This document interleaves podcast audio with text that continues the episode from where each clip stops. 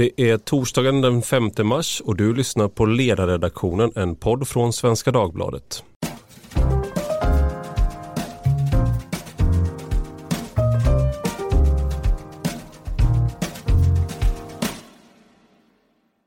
Jag heter Ivar Arpi och idag ska vi tala om konservatism. Vad är det? Vem är det? Och kan något så konservativt som konservatism verkligen vara på modet? Med mig för att prata om det har jag Lars-Anders Johansson, författare, journalist och tills nyligen knuten till Timbro där du var eh, chefredaktör för Smedjan. Det stämmer. Välkommen. Tack så mycket. Och välkommen Dick Eriksson som är chefredaktör på den socialkonservativa tidningen Samtiden som ägs av Sverigedemokraterna. Mm, tack, tack. Först och främst, kallar ni er själva för konservativa? Ja, jag gör det. Eh, det jag, jag, tycker det har blivit ett, ett, det har ju vuxit fram successivt eh, för mig. Jag gjorde inte det förut. Då försökte man med ord som kommunitär och, och sådana där saker så att säga. Men, men jag tycker konservativ är ett rakare besked. Du har kommit ut ur garderoben. Ja, precis. Ja. Lars-Anders, kallar du dig själv för konservativ? Det beror ju helt och hållet på vilket sammanhang. Jag betraktar konservativ framförallt som ett adjektiv. Konservatism är motsatsen till eh, att vara radikal och i eh, sammanhang där det är rimligt att ta avstånd från radikalism, vilket är ganska många sammanhang just nu, så eh, är jag definitivt konservativ. Så du, det, det du lägger in, jag tänkte ni båda två ska få säga vad ni lägger in i ordet. Jag kallar mig själv konservativ. Jag brukar hålla på med eh, prefix och ibland gör jag det också. Man är liberal konservativ, socialkonservativ i olika sammanhang beroende på vad man vill betona. Liksom.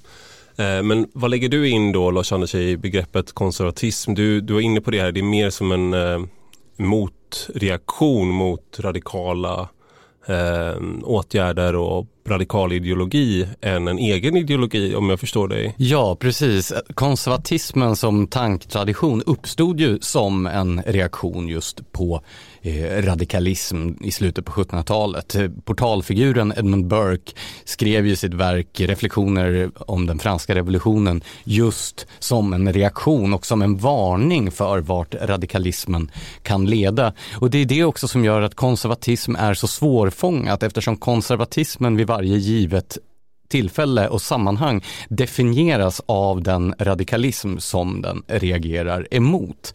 Eh, till skillnad från socialistiska inriktningar och liberala inriktningar så finns det inte ett konservativt program eller urkunder på det där sättet. Och det finns inte heller en eh, så att säga, förnuftsbaserad idé om hur samhället ska vara organiserat utan konservatismen den formuleras kring de saker som konservativa i ett givet sammanhang tycker det är värt att slå vakt om som radikaler ifrågasätter och utmanar där och då. Vad, vad säger du Dick? Är det någonting du kan ställa upp på? Ja, nej, men den premissen är, är helt riktig och men anledningen till att jag har hamnat där tror jag är mer att jag har brukat prata om småfolkskonservatism. Liksom att vardagens människor eh, som kämpar och sliter i sin... Jag har väldigt stor respekt för dem och, och jag tycker det är så märkligt att när man har hållit på med politik som, som har gjort så länge så är det väldigt få som eh, har dem som utgångspunkt. Utan man har just radikala idéer, man har sina e egna tankar och idéer om hur,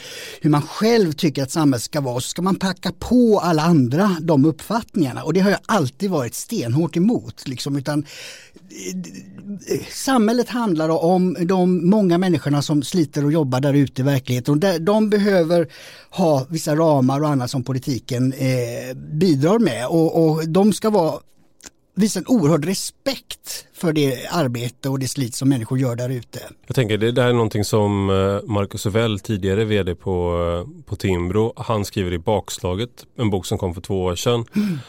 Uh, och där, där ställer han en fråga uh, i en opinionsundersökning till, uh, till människor om de tycker att politiken ska lämna människor i deras vardag i fred. Det vill säga man ska inte hålla på och berätta för dem hur de ska leva sina liv utan man ska vara pragmatisk och kanske hjälpa dem att lösa vardagens problem. Och då var det ändå en majoritet av människor i, som, som tyckte det. Men det var särskilt i KD, SD och Moderaterna mm. och Liberalerna faktiskt eh, som den attityden var vanligast. Och ja. särskilt KD och SD utmärkte sig. Mm. Men även många i Socialdemokraterna.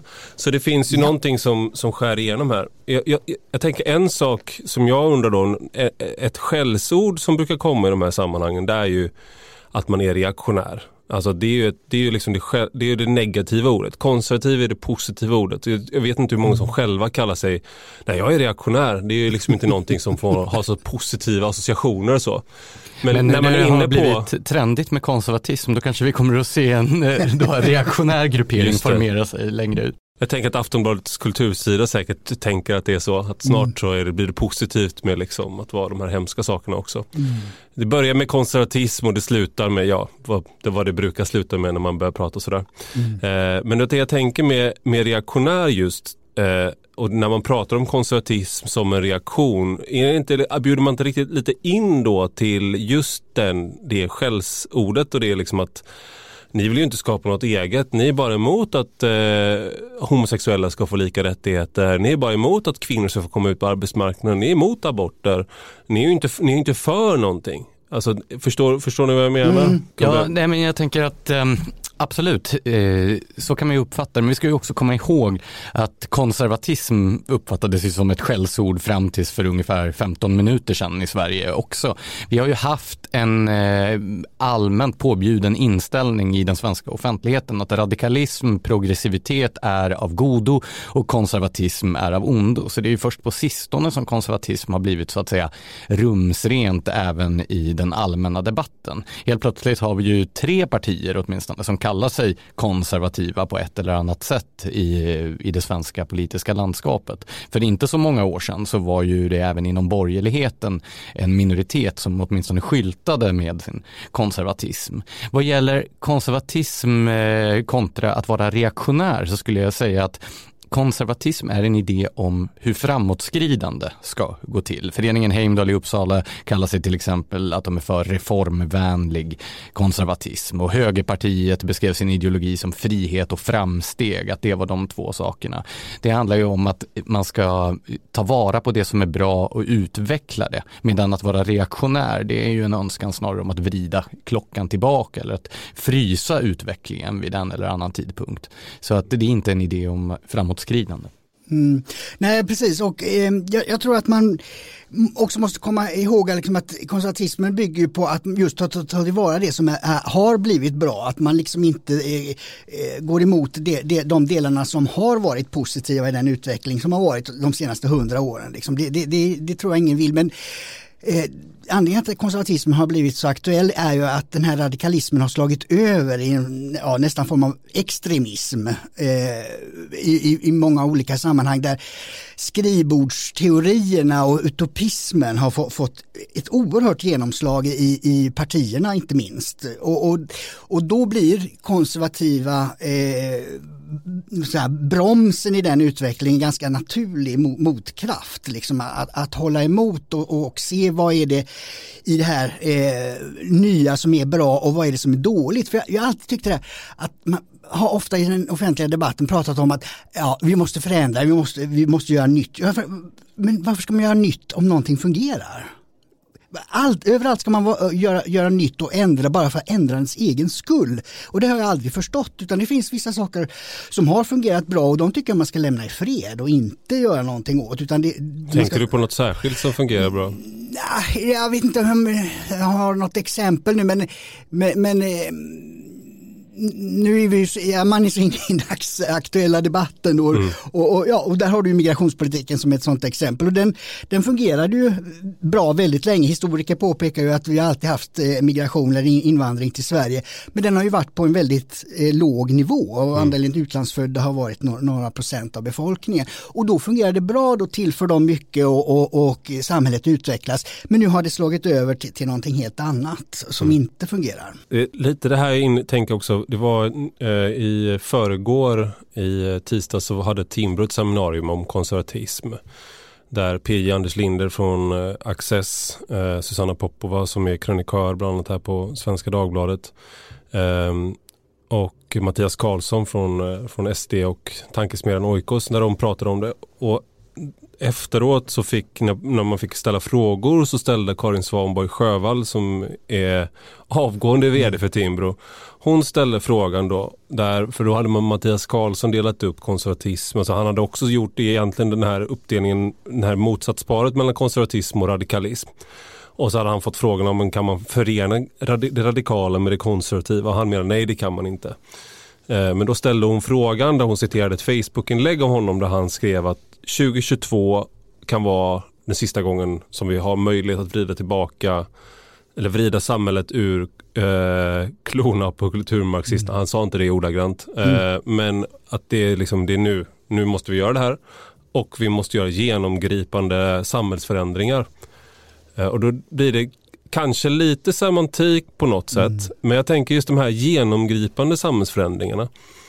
Jag tänker personligen som eh, min attityd i de här sakerna eh, är ju att som konservativ, som jag definierar mig själv som då, så är det ju väldigt många saker idag i samhället som har gått så långt under så lång tid att det behövs en Ja, det behövs just genomgripande förändringar. Eh, och det behövs på många olika områden. Mm. Och då känns det som att någonstans så kanske det ligger i betraktarens ögon om det man föreslår är radikalt eller inte. Mattias Karlsson svarade att det inte var radikalt. För radi om man tänker sig radikalism som någonting som kommer med vissa värderingar. Eh, till exempel att det inte finns något, att allting är sociala konstruktioner, kön, könen finns inte, det finns ingen biologisk grund för människan. Eh, människan är, är ett eh, tomt papper som man kan eh, projicera olika revolutionära projekt på och, och, sådär. Ja men absolut, då går det inte förenligt med konservatism. Men om man istället tänker sig att man behöver ganska snabba eh, förändringar eh, då, då kan, eh, skulle man kunna tänka sig just att den går, det går att förena. Mm. Jag tänker på två saker i det här sammanhanget. Dels så tycker jag att P. Anders Linder svarade ganska klokt där i panelen. Han sa någonting om att eh, radikalism kan aldrig vara konservativ. Däremot kan konservativa personer och politiker göra radikala saker. Att man måste hålla isär de här sakerna. Eh, det, ungefär så uttryckte han det, jag kommer inte ihåg ordagrant. Eh, det andra som jag tänker på det är det här att ett politiskt system som bygger på en radikal ideologi blir in, det blir inte konservativt att försvara det systemet även om det har funnits länge. En till exempel radikal socialdemokrati som använder eh, myndigheterna för att genomdriva någon slags eh, radikal agenda eller eh, social ingenjörskonst eh, är ju inte det är ju inte konservativt att försvara den sociala ingenjörskonsten även om den pågår i decennier. Eller för att ta ett ännu mer extremt exempel, jag menar Sovjetimperiet existerade i ungefär 70 år, men det var ju inte då konservativt att försvara kommunismen utan kommunismen är fortsatt en radikal ideologi på Kuba eller i Sovjet och så vidare. Och konservativa som gör motstånd mot kommunismen är ju fortfarande konservativa även om kommunismen har regerat i 70 år. Men då mm. finns det ju någonstans en kärna i konservatismen av faktiska värderingar där, som inte handlar om att göra motstånd, som inte handlar om eh, liksom att, att, att, att mota bort någonting utan också att återskapa ja. någonting. Eh, och att du då även om, jag, jag tänker på eh, Patrick Denin Eh, en amerikansk eh, konservativ som är katolik också kanske man ska lägga till. Han skriver i Why Liberalism Fail, en ganska ny bok. Att, att eh, det han säger är väl ungefär att det, det som romarna, det som tas Tacitus sa om romarna, att man gör en öken och kallar det fred. Och det är, det är ungefär det anklagar han liberalismen för. Att liberalismen Eh, eh, har, har skapat en öken och kallar det frihet. Och att då, då kan man liksom inte göra motstånd bara utan du måste, göra, du måste försöka återskapa någonting. Du måste ha ett eget program. Mm, ja, ja men jag, jag håller med att, att, att eh, det, det, som jag upplever som kärnan i, i ett konservativt betraktningssätt det är till exempel ansvarstagande att man ska ta ansvar i alla positioner som man befinner sig i. Alltifrån att vara samhällsmedborgare till att vara då politiker, till generaldirektör och, och annat sånt där. Och, och, jag är frapperad över till exempel den här eh, Transportstyrelseskandalen. De flesta har glömt den men eh, för mig är den fortfarande oerhört levande. Och där generaldirektören i, i, i vad heter den här nämnden för där man testar, regeringen vill sparka henne, eh, ja nu kommer jag inte ihåg vad den heter, men, men hon klarar kvar jobbet och 150 000 kronor i månadslön på motiveringen, jag visste inget, jag kunde inget. Mm. Och då får hon behålla jobbet för då var hon inte ansvarig. Alltså, det, det, eller då kunde hon inte ta ansvar. Och, mm, alltså det, det är en väldigt konstig ansvarsmoral eh, som, som, som, vi har idag. Och en annan aspekt är, är ju konsekvenser, det är ju en fortsättning på det då. Att eh, vi har det väldigt svårt att utkräva ansvar i, i, form av konsekvenser. Både på medborgarnivå, när det gäller brottslighet till exempel så har vi hela tiden den här striden. Ska man straffa en, en 20-åring som har begått mord eller ska man tycka synd om den personen? Alltså det, det är på väldigt grundläggande saker så finns det ganska tydliga värden här kring ansvar och konsekvens tycker jag. Jag, jag vill ändå hålla fast vid min första definition där om att konservatismen inte har ett eget program, inte en egen kärna utan att den slår vakt om de saker som radikalismen vill eh, utmana och undergräva. Eh, två exempel på detta. Många konservativa, eller de flesta konservativa, eh, försvarar familjen som samhällets minsta beståndsdel eller åtminstone som en av de centrala beståndsdelarna. Många konservativa försvarar den traditionella religionen i ett samhälle, till exempel då i eh, gamla östblocket där kommunisterna bekämpade kristendomen så försvarade konservativa. Det betyder inte att kärnfamiljen eller familjen är konservativ per se. Alla som har en familj är inte konservativa. Kristendomen är inte konservativ och alla kristna är inte konservativa. Det är nog ingen som tycker om de följer Svenska kyrkan. Nej, precis. Däremot så är det begripligt utifrån den definitionen av konservatism som jag använder mig av att konservativa försvarar de här företeelserna. Men det är företeelser utanför konservatismen. Konservatismen försvarar sådant som radikalismen försöker att undergräva. Och här ska vi komma ihåg att radikalism handlar ju alltid om att det finns en upplyst elit som vill påtvinga andra människor sin egen uppfattning och agenda. För om det är så att människor inte eller om människor delade den här agendan, då skulle den ju inte vara radikal. Mm. Radikalism handlar om att påtvinga andra människor saker som de inte har efterfrågat. De som, de som allra minst höll med eh, om det här påståendet att politiken inte ska säga till vanligt folk vad de ska göra. Det var eh, de som röstar på Vänsterpartiet. Vilket ju verkar tala för det du, det du säger. De blir ju då den upplysta eliten som ska lägga livet till rätta för det stora flertalet. Mm. Nej, men alltså, det finns ju också en anledning till att man försvarar familjen och, och andra institutioner därför att det, det, är ju det som har visat sig fungera. Alltså det är ju där man har kunnat eh, eh, växa som människa. Det är också en del tycker jag av konservatismen att se det att, att människan eh, är eh, liksom inte ett, eh, någonting som Eh, kan styras uppifrån utan där måste vi sträva efter en egen utveckling, en, en egen ja, ansvarskänsla, pliktkänsla och så vidare. Och, och eh, jag, jag, kommer från en, en arbetarfamilj där mina morföräldrar var eh, kommunister uppe i Nor Norrbotten. Men jag, jag, tror aldrig jag träffat några som är så konservativa som, som dem. Och, och, det bygger på att även om man är då materiellt fattig och socialt har väldigt låg status så är det just genom att, att eh, göra sitt arbete, göra sin plikt som man finner sin egen stolthet och därmed eh, har en, en positiv grundsyn på livet som ju i dagens debatt väldigt många i ja, förorter och på andra ställen inte verkar ha. En sak med det där är ju, med familjen är ju att eh, om du är liberal eller liberalkonservativ eller klassiskt liberal då är, kan du många gånger hamna ungefär i samma position som en konservativ i dagens debatter och sådär.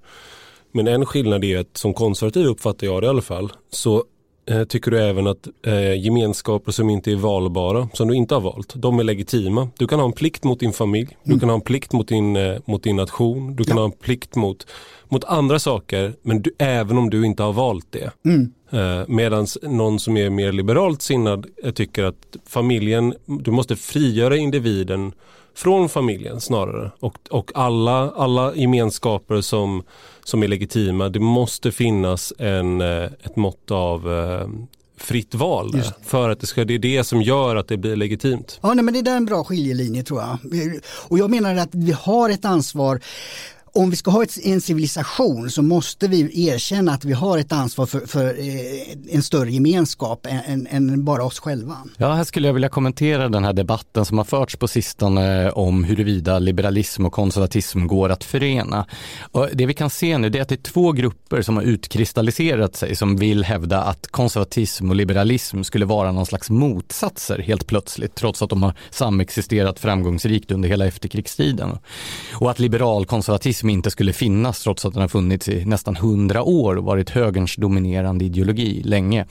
Och de här två grupperna, det är ju å ena sidan så är det liberaler som vill att liberalismen ska söka sig vänsterut, att man ska skapa någon slags socialliberal enhetsfront mot högern eh, som är då antikonservativ, alltså en, en radikal, kulturradikal liberalism. Och det andra, det är en slags nationalkonservatism eh, som finns då i ett parti nära Dick, eh, som vill skapa ett högerblock istället som ska vara antiliberalt. Och båda de här grupperna enas i det här att det Eh, att liberalism och konservatism skulle vara motsatser. Jag menar ju att det inte är så. Det går utmärkt att vara konservativ eller liberalkonservativ och ha en liberal syn på hur samhället ska vara organiserat men ändå förespråka konservativa försiktighetsprinciper vad gäller framåtskridandet och inte ställa upp på en progressiv kulturradikal agenda. Och det har vi ju sett också. Jag menar det var liberalkonservativa som utformade politiken från, eh, som eh, förändrade världen 1980 89 till exempel. Thatcher, Reagan och så vidare. Tänkte vi skulle kunna glida in här då på, för någonting som, som brukar komma upp när man pratar om konservatism eh, är också populism. Mm. Eh, och, och, ibland så använder man dem som synonymer nästan. Och ibland undrar jag också, eller någonting som jag undrar är om man verkligen ser en eh, det vi ser är en konservativ våg eller om det man ser är någonting annat. Om vi då, det, det är också ett populism, precis som reaktionärt. Att vara reaktionär så är det någonting som oftast används negativt. Eh, men hur förhåller sig de två? Jag vet att eh, Roger Scruton sa att eh, populism är ett ord som vänstern använder för att beskriva känslan hos vanligt folk när vanligt folk inte är vänster. Mm. Och det, det, ligger, och det liknar ju då också hur vi ofta pratar om konservatism. Ja, Nej, men jag tycker att man ska göra skillnad på populism och opportunism. Jag tror att många blandar ihop dem, att det är opportunism man menar när man pratar om populism. För populism är ju att, att följa folkopinionen, eh, folkviljan och, och, och eh, i grunden är det ju demokrati. Så att eh, jag tycker inte de där orden är, är, är särskilt eh, intressanta ur, ur, ur, det sammanhanget utan det, det, det handlar om ja, vad man är ute efter. Och, och när det gäller liberal-konservativ och det där, jag har kommit fram till det att när jag har sett människor, för jag, jag känner liberaler både som är då eh, åt det konservativa hållet och åt eh, vänsterhåll. Så, men jag får, jag får en känsla av att det egentligen handlar om att man måste först ta ställning om man är socialist eller konservativ. Sen kan man använda liberala principer.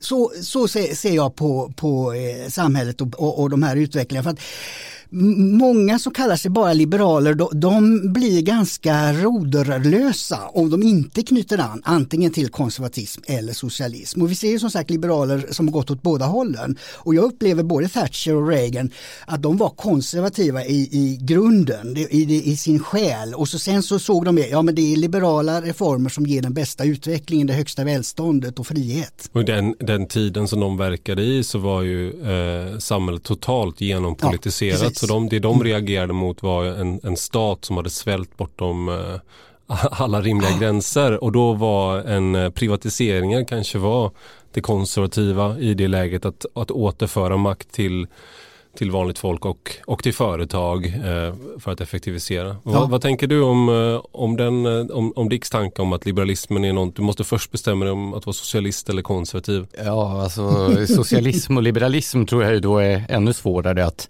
att förena. Jag tror återigen, jag börjar upprepa mig här, men att det är radikalism och konservatism som är motsatsparet. Däremot så tänker jag på det här med med populismen.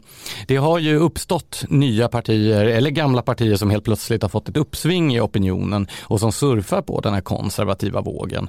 Eh, och det beror ju helt enkelt på att det finns ett utrymme där. Det finns en opinion som de traditionella eh, högerpartierna eller borgerliga partierna inte har fångat upp. Du nämnde själv Marcus Uvells bok Bakslaget där som visar på diskrepans mellan de värderingar som borgerliga väljare och även andra väljare har och deras folkvalda företrädare. Och det är ju klart att till slut så kommer ju människor att tröttna på att inte känna sig företrädda och söka efter någonting annat. Och då uppstår ju det här fenomenet som brukar kallas för populism. För det är någonting här som, nu har vi inte pratat så mycket om det, men eh, inramningen till eh, det här seminariet på Timbro om konservatism och många andra sådana här debatter som har varit på senare, det är ju att det finns olika konservatismer och det finns så här och det man liksom går som katten kring het gröt, det har ju att göra med nationen och invandring. Mm.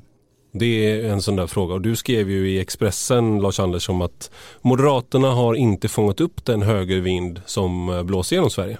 Utan den har fångats upp av Sverigedemokraterna. Är det inte så enkelt som att människor i Sverige, vanligt folk, gemene man, har aldrig någonsin varit med på tåget vad gäller den massiva invandringen till Sverige. Eh, men, och nu har det blivit en viktig fråga och då som du är inne på i den artikeln så har ju Moderaterna bundit upp sig kring en väldigt liberal agenda och nu när man försöker styra om så är det svårt att göra det trovärdigt. Återger det korrekt eller? Så Moderaterna har ju som deras eh, eftervalsanalysgrupp konstaterar i den mycket läsvärda rapporten som de presenterade efter senaste valet vid upprepade tillfällen skjutit sig själva i foten tidigare. Alltså det handlar inte bara om att man har haft en liberal linje utan man har också gjort eh, radikala ställningstaganden i offentligheten. I eh, artikeln i Expressen så refererar jag till när Fredrik Reinfeldt kallade Försvarsmakten för ett särintresse till exempel. Och nu då när de säkerhetspolitiska frågorna har kommit tillbaka på den politiska dagordningen så betyder det här att Moderaterna som hade den starkaste trovärdigheten just när det kom till försvarsfrågor helt enkelt inte tas på samma allvar längre. För de avskaffade gjorde... även värnplikten mm. i alliansen. Ja, precis. Det har funnits sådana där ställningstaganden och utspel och uttalanden. Eh, även en del kanske lite löjliga symbolsaker som föregick försiggick under alliansåren som när man uppmanade moderata valarbetare att inte ha slips eller pärlhalsband för att det kunde uppfattas som konservativt. Det är klart att människor kommer ju ihåg det här och när man nu försöker hävda att man är eh, det sanna konservativa alternativet, då har man en viss uppförsbacke. Jag tänker, nu sitter vi här alla tre, tänker vi nu när vi ändå är inne på slipsar och pärlhalsband, det är bara du som har slips av oss tre här. Alltså, men det finns ju någonting med bilden av en konservativ person också som är, ja nu är vi alla tre män här, men eh, just att man är en, en lite tråkig, eh, eller gammaldags eh, herre som liksom har svårt att prata om vissa ämnen. och så. Det finns ju väldigt många kopplingar rent estetiskt till att vara är på ett annat sätt än vad jag uppfattar i alla fall att det finns till eh, liberal eller socialist. Kanske ja. kommunister har skägg, det har jag också. Men, ja. ja. ja, nej, men det är möjligt att, att det ligger någonting i, i, det och det kanske beror på för, för jag själv eh, reagerar mot det här Eh, jag gör väldigt tydlig skillnad mellan vad, vad som är, är, personligt, att jag kan eh, bli förbannad och, och, visa temperament i sakfrågor, men jag är aldrig privat i det offentliga. Jag skulle aldrig falla mig in att vara privat och ta upp mina privata aspekter på, på saker och ting. Och jag blir lite allergisk så fort jag hör, och det blir är väldigt vanligt i medierna idag att folk tar upp väldigt privata saker. Och, och jag vet inte om det är konservativt eller inte, liksom, jag tycker att den privata sfären ska vara privat. Det är någonting för mig och mina nära, eh, familj och andra och de, de, som finns i, i, i den nära kretsen. Men det, det, är liksom ingenting som man ska varken späka sig med eller, eller tvinga på andra människor. Är det då en alltså, för konservativ även en personlighetstyp i det här också? För jag upplever personligen att eh, jag är eh, inte en konservativ personlighet, alltså det man mm. definierar som det. Men mm. det, det här som jag tycker det blir en förvirring i det. Jag, jag tycker om eh, testa nya saker, liksom, eh, prata Men med jag- nya människor. Ja, men att, göra, precis, att göra Alltså, det, allt det där. Ja, men att göra det på, på ett privat plan är ju, Ja. det, det, det är ju nyfikenhet och det, det kan Ja. ju en konservativ vara. Ja, Absolut. Precis, och det Men där blir ju som en... sig, eh, ja. ja. Jag förstår inte riktigt vad att prata med nya människor hade med saken att göra. Jo men man gör den, eh, i politisk psykologi så, finns, så har man ofta använt konservativ som, eh, som en motsats till exempel att man är Just att, att man har en konservativ personlighet, Jonathan Haidt är inne på det till exempel. Och då är man inte, man inte lika benägen att, eh, att eh, lita på främlingar, man är inte lika benägen att testa nya saker, testa nya aktiviteter, testa nya maträtter, alltså de här klassiska sakerna. Och jag uppfattar det som att jag tror att det finns en, en begreppsförvirring ibland, att man använder just ett konservativ som ett adjektiv. Där det då är till exempel att man är gammaldags, man är bakåtsträvare. Men också att man är liksom, man vill äta samma sak varje dag. Samtidigt som det då är det vi har pratat om i, i, Ja, men innan här är här, då, um, politi, politiska ideologin snarare. Här är vi då tillbaka på detta med konservatism som ett adjektiv. För du kan ju vara konservativ i din klädstil även om du är politiskt väldigt radikal till exempel. Det finns ju ingen motsättning där utan konservatism handlar om att försvara normer i- på olika områden. Och eh, du kan ju ja, antingen vara politiskt radikal och klädmässigt konservativ eller helt tvärtom. Det finns ju politiskt konservativa som klär sig på väldigt uppseendeväckande sätt. Men jag, jag kan tänka mig så att de som har den personlighetsdrag, att man är inte nyfiken så att säga, de kanske i större utsträckning blir konservativa i sina politiska val. Men det har ju inget samband med att alla måste vara det så att säga. Men Nej. den gruppen blir det i hög grad, så tror jag kan hänga ihop. Det, och det där ser man ju också just det. Just det. Att, Mm. man, att, att en viss typ av personer eh, dras till vissa olika typer av ideologier. Det finns ju hem, hemska sådana här genetiska studier på det här. Att hur ärftliga politiska åsikter är. Mm. Så man blir väldigt, väldigt, eh, man blir väldigt klaustrofobisk av när man läser. Det som oroar mig med den här debatten om liberalism och konservatism där då eh, progressiva vänsterliberaler försöker definiera liberalism som att det bara är att vara kulturradikal och att det därför är logiskt att stödja en socialdemokratisk regering samtidigt då som eh, man också angriper liberalismen från ett nationalkonservativt håll. Det är att nu när konservatismen uppenbarligen, eller konservatismer är på frammarsch, att vi kommer att få en situation där det helt enkelt inte längre finns något alternativ som försvarar grundläggande liberala principer och marknadsekonomi, äganderätt och så vidare. Utan att vi kommer att stå inför en situation där vi har att välja mellan ett krympande progressivt före detta etablissemang och en växande kollektivistisk nationalistisk konservatism. Det är inte ett liberalkonservativt drömscenario. Jag, jag skulle vilja bara säga att jag tror att um, någonting som, som jag har tagit med mig av att läsa många konservativa tänkare det är att det är väldigt få av dem som har tyckt att det är särskilt viktigt att vara konservativ. Eh, till skillnad från många socialister och kommunister till exempel. Utan det, det som har varit viktigt för dem är sakfrågor. Jag kan ta ett exempel som Roger Scruton som har ju varit väldigt radikal i förhållande till den radikalism då, eh, som fanns i, i, i hans samtid i massa olika sakfrågor. Han har ju varit otroligt kontroversiell. Sen på senare år så blev han lite mer av en mysfarbror för att av någon anledning, den, den stereotypen av engelsmän gör det väldigt lätt att falla in i kanske. Men, eh, men med mång, det här har ju varit människor som har kämpat hela sina liv. De har ju varit passionerade människor som har kämpat. Det har inte varit några tråkmånsar som sitter i sitt elfenbenstorn. Tvärtom. Det har varit människor som har varit ute i sakfrågor och stridit och blivit kavlat upp ärmarna. Och Edmund Burke var ju ett väldigt bra exempel. Han ville ju invadera Frankrike för att återställa monarkin. Det är ju inte så konservativt om du använder det som adjektiv. Nej. Utan det är ju snarare liksom en, eh, det är en väldigt radikal eh, åtgärd om du använder det som adjektiv. Mm, precis. Jo, men- Nej, där, där håller jag absolut inte med. Du hade en revolution där man mördade hundratusentals människor, eh, avskaffade kyrkan, avskaffade samhällets institutioner, skulle införa eh, helt nytt utbildningssystem. Allting skulle förändras i grunden. Att då försöka stoppa det här genom en militär intervention kan fortfarande vara Men är det verkligen konservativt. försiktighetsprincipen från engelskt perspektiv? Alltså, är det verkligen försiktigt att invadera ett annat land? Ja, med tanke på att Edmund Burke förutsåg också att att eh, revolutionen skulle försöka sprida sig till resten av Europa och kasta hela kontinenten i krig. Så absolut, försiktighetsprincipen att förklara krig mot Hitler-Tyskland, mm. eh, visst det är en drastisk åtgärd men inte nödvändigtvis en radikal åtgärd. Jag undrar om det finns en, eh, ett marknadsföringsproblem här delvis för, eh, för konservatismen. Mm. Jag tycker att många gånger så jag, jag stör mig på när människor vill marknadsföra, för jag håller ju med om det där, men jag tycker att försiktighet, alltså mm. försiktighet, långsamhet, behåll det som funkar. Att många gånger så låter det som en väldigt eh, passiv attityd. Ja. Men i realiteten, vilket jag försökte få fram och vilket du så tydligt eh, visade, mm. så är det ju inte mm. en passiv attityd. Tvärtom, många gånger så kräver det ganska drastiska åtgärder. Ja, och inte minst nu i, i dagsläget, om man jämför med franska revolutionen, så, så är vi ju inne i ett väldigt revolutionärt stadium menar jag. Jag har skrivit ledare om det, liksom, att vi är inne i en revolution där man ju, ja inte byter ut befolkningen, men i alla fall eh, gör landet till någonting annat annat än, än vad det har varit.